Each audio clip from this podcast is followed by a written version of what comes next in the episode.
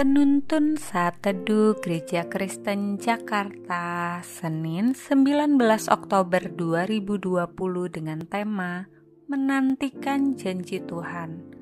Firman Tuhan terambil dari kejadian 15 ayat 1 6 berkata demikian. Kemudian datanglah firman Tuhan kepada Abram dalam suatu penglihatan. Janganlah takut Abram, akulah perisaimu upahmu akan sangat besar. Abram menjawab, Ya Tuhan Allah, apakah yang akan kau berikan kepadaku? Karena aku akan meninggal dengan tidak mempunyai anak, dan yang akan mewarisi rumahku ialah Eliezer orang Damsyik itu. Lagi kata Abram, engkau tidak memberikan kepadaku keturunan, sehingga seorang hambaku nanti menjadi ahli warisku. Tetapi datanglah firman Tuhan kepadanya demikian: "Orang ini tidak akan menjadi ahli warismu, melainkan anak kandungmu. Dialah yang akan menjadi ahli warismu."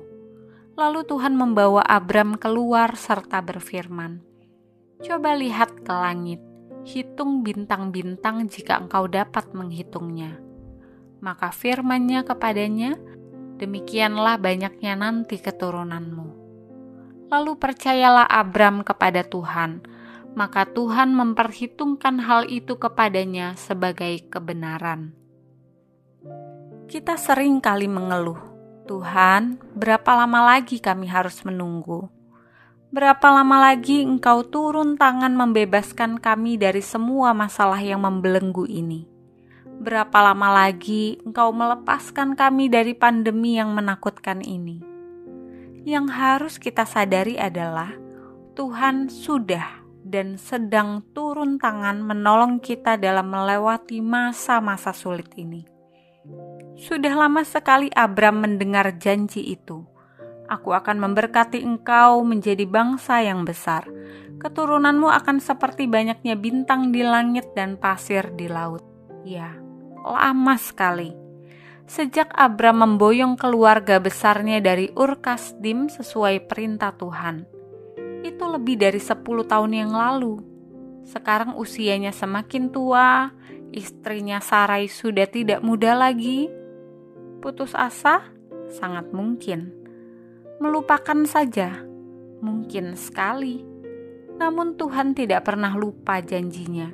Tuhan kembali meneguhkan di kejadian 15 ayat 5 bahkan sekali lagi diteguhkan pada kejadian 17 saat Abram menjelang 100 tahun.